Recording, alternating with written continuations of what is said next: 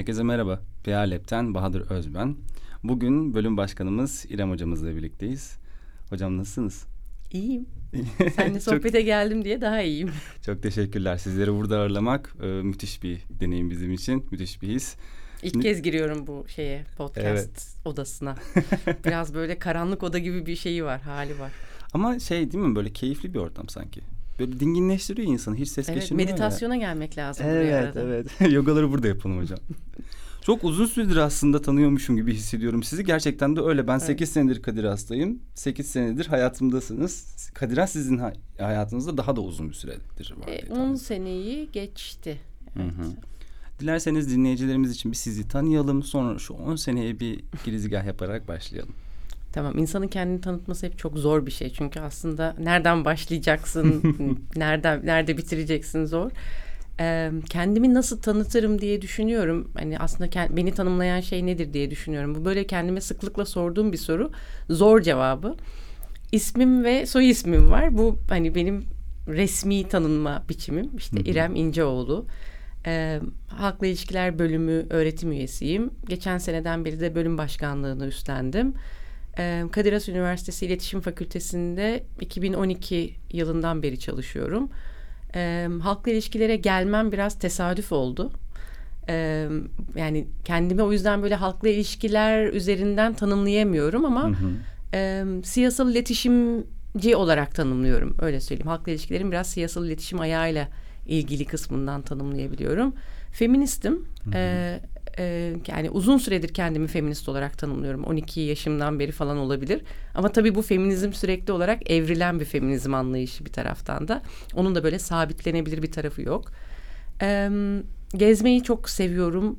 Bir yere ait hissetmem için oralı olmam gerekmiyor ve gidip yerleşebiliyorum. Bu mükemmel bir yeti. Bence ee, belki ama biraz şeyle alakası var. Çocukluğumun hep farklı şehirlerde geçmesiyle belki alakası var. Yani çok hmm. küçük yaşlardan itibaren oluşturulan bir refleks de diyebiliriz buna. E, Türkiye'nin çok çeşitli yerlerinde yaşadım, okullara gittim, farklı farklı okullara gittim. E, bana mesela kazandırdığı inanılmaz çok şey olduğunu düşünüyorum bu deneyimin. Ama kaybettirdiği bir şey var, çocukluk arkadaşım yok. Benim hayatta eksikliğini çektiğim şeylerden bir tanesidir. Çocukluk arkadaşım yok. Bu gerçekten Hatırlamam, üzücü. üzücü. Hı. Neyse kardeşlerim var, oradan kapatıyoruz açığı. Kaç kardeşsiniz? Üç kardeşiz. İsimleri? Ee, ben en büyüğüm. Bir ortancamız var Didem. Bir de küçüğümüz Hı-hı. var Zeynep. Zeynep. İsimler de birbirleriyle çok uyumlu geldi şu an için bana. Peki hocam bu diğer hocalarımızda da aslında karşıma çıkan bir resim. Ee, örneğin Metin hocamız da işte pazarlama kısmından, turizmden halkla ilişkilere, İdil hocamız da sosyolojiden halkla ilişkilere, sizde de siyasetten aslında bir doğuş var buraya. Evet, evet. Bu yaklaşım nasıl oldu bir onu merak ediyorum. Ee, neden siyasetten halkla ilişkilere geçiş? Bir diğer soru da sizin tabii fikriniz bölüm başkanı olarak merak ettiğim nokta. Halkla ilişkilerin bu kadar farklı perspektiften insanı bünyesinde neden ve nasıl barındırdı? Ee, ilk soruna döneyim. Şimdi siyah ben e, üniversite sınavı biliyorsunuz yani hala da öyle bir şekilde aslında bizim kendi kaderimizi belirlememiz önünde biraz engel gibi görünebiliyor. Yani bir sınava giriyoruz ve milyonlarca başka insanla birlikte bir sınava giriyoruz. Ee, ve oradaki performansımız bizim gelecekte nasıl insanlar olabileceğimize dair fikir yani onu belirleyen bir şeye dönüşüyor aslında. Ee, ama şunu da düşünüyorum e, bir taraftan aslında insan hep kendini oluşturuyor o süreçte. Yani o dışarıdan gelen şeyler sizi yapıyormuş gibi, yapılandırıyormuş gibi görünse de kendi yolunuzu gene de çiziyorsunuz. Benim de biraz öyle oldu gibi. Üniversite sınavına hazırlanırken e, iyi bir öğrenciydim. Yani ortalamanın üstü bir öğrenciydim. E, yani sorumluluklarının farkında bir öğrenciydim. Onun için ne yaptığını da bilen birisiydim. Sınava girdim çıktım. ODTÜ'de okumayı çok istiyordum. Benim için ODTÜ'de okumak çok önemliydi ve yani tek hedefim vardı ODTÜ'de okumak. Ee, o zamanki koşullarda işte Türkçe matematikten girdim sınava ve işletme, iktisat, uluslararası ilişkiler, siyaset bilimi, kamu yönetimi bölümü var. İdari Bilimler Fakültesinde. Ee, sonra da işte sosyoloji, psikoloji, felsefe, tarih bölümleri var de, bu puanlarla girebileceğim. Bir taraftan da eğer mesela uluslararası ilişkiler ya da siyaset bilimi gibi alanları okumak istiyorsanız Ankara Üniversitesi Siyasal Bilgiler Fakültesi var ki Türkiye'ye bürokrat yetiştirir diye bilinir. Ama ben ODTÜ'de okumak istiyorum. Burası çok net. e, o yüzden e, biraz babamı da kandırarak çünkü o benim e, böyle devlet memuru büyük bir bürokrat olmamı düşünüyordu. Hmm. E, siyasala girmemi çok istiyordu o yüzden. Ben işletme, iktisat falan o sıralamayı yaptıktan sonra aslında puan şeyine uymayan bir şekilde ölü tercih yaptım siyasal bilgiler fakültesini. Altlara yazdım. Yazdım yani onu kırmamak için yazmış göründüm ama ot diye girebilecek şekilde yaptım tercihlerimi. Ee, sınavdan çıktıktan sonra şey dedim kamu yönetimini kazanırım. Bu şekilde çıktım gerçekten. Yani en kötü ihtimalle kamu yönetimi olur ama ben aslında iktisat ya da uluslararası ilişkileri hedefliyorum diye girmiştim. Sonra sınav sonuçları açıklandı yazın. Kamu yönetimini kazanmışım. Önce bir içim buruldu. Çünkü aslında bir soru falan daha yapsam bir üst tercihim evet, tutacak. Çok bir şey. Sonra ama bu bana Allah'ın bir lütfuydu diyeyim yani bir şekilde kaderin bir e, güzel e, oyunu. Okurken inanılmaz keyif aldığım bir bölümdü.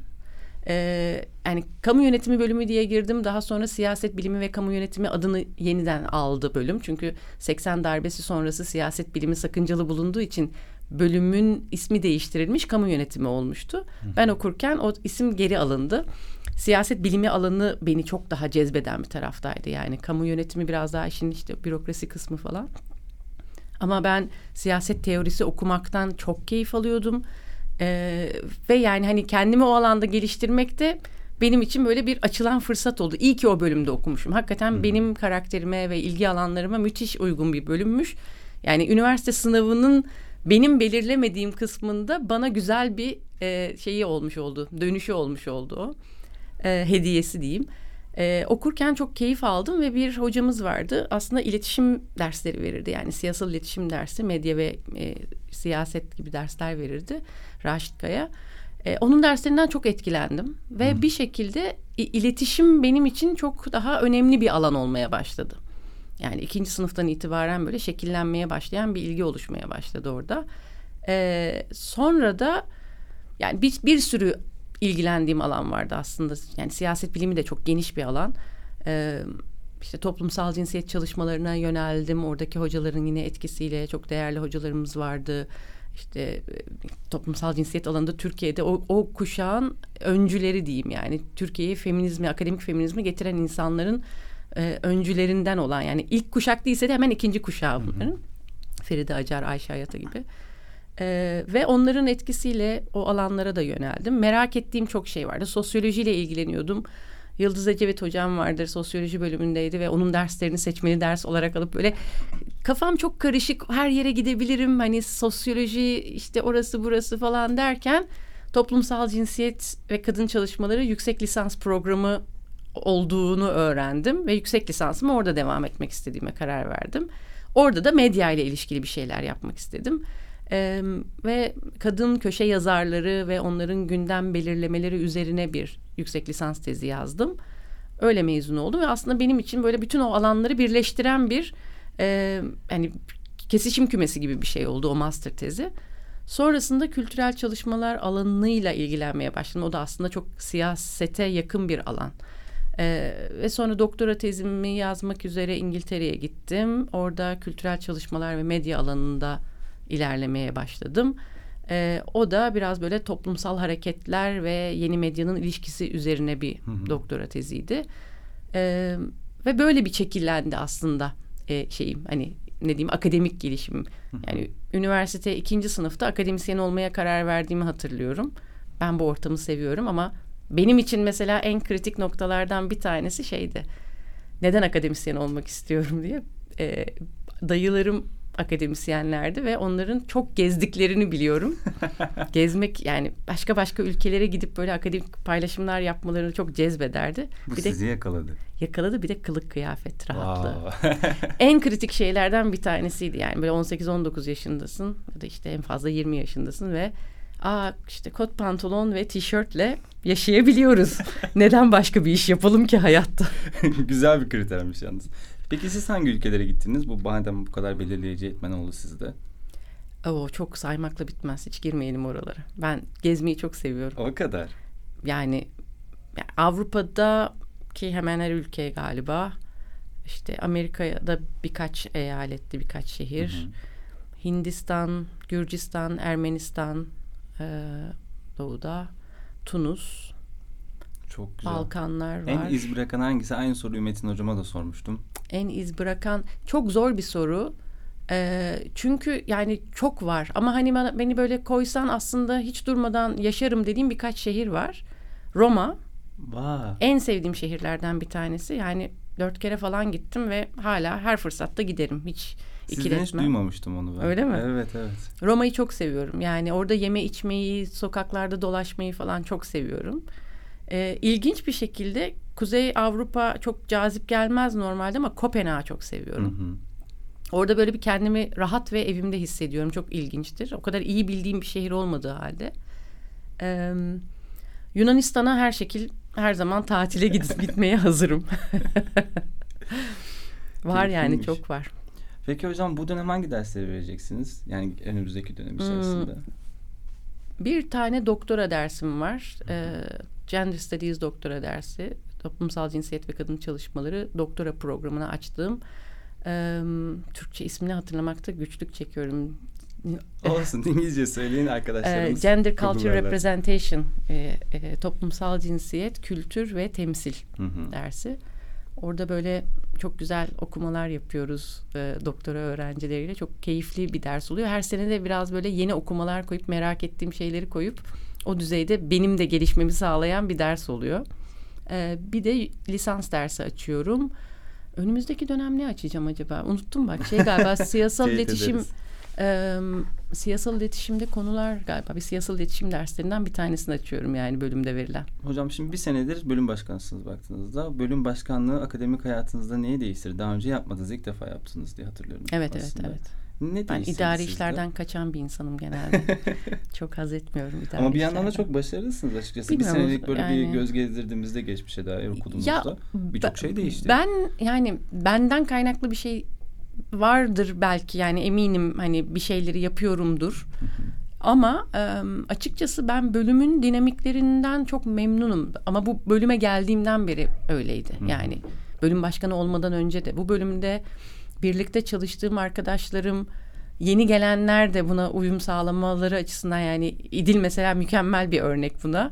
Ee, yani senin de mesela dahil olman sonra işte Mine'nin gelmiş olması araştırma görevlisi olarak. Yani Banu Hoca hep buranın zaten e, içindeydi. Hı hı. Ben geldiğimde de Banu Hoca vardı aslında. Yani Banu Hoca ben vardık sonra işte Defne Hoca'yı aldık Hı hı. falan gibi böyle Kadro kadrolar. yavaş yavaş evet. büyüdü. Suncam hocamız vardı o sonra gitti falan. İçecektim. İçimizde ukdedir. İçecektim şöyle. Ee, ama hani hep böyle çok e, çok dostane, çok birlikte iş yapmaya açık. Ee, hani birbirinin yani birbirini besleyen ve birbirinin üzerinden iş alan bir ekiptir burası. Hep öyleydi. Öyle olmaya da devam ediyor. O yüzden hani bölüm başkanlığında karşılaşılabilecek böyle ım, sevimsiz sorunlarla biz çok fazla karşı karşıya gelmiyoruz gibi geliyor bana. Yani çok rahat konuşuyoruz, çok rahat işbirliği yapıyoruz ve bunu böyle sıkıcı bir yerden, mecburiyetten değil de aslında beraber çalışmaktan keyif alarak yapıyoruz gibi hissediyorum. Ben hep öyle hissettim. E, katkıyı da o şekilde sunmaya çalıştım. Şimdi de öyle devam ediyor. O yüzden bana hani böyle bir e, hani ne yaptın da oluyor demek yani kendi kendine zaten güzel akışı olan bir şey. Ha biraz bakış açısı değişmiştir ya da hani ne bileyim belki e, böyle futbolda hani maça yeni giren bir oyuncu vardır herkesten daha çok koşar ve genelde golü de o atar böyle son dakika gollerini.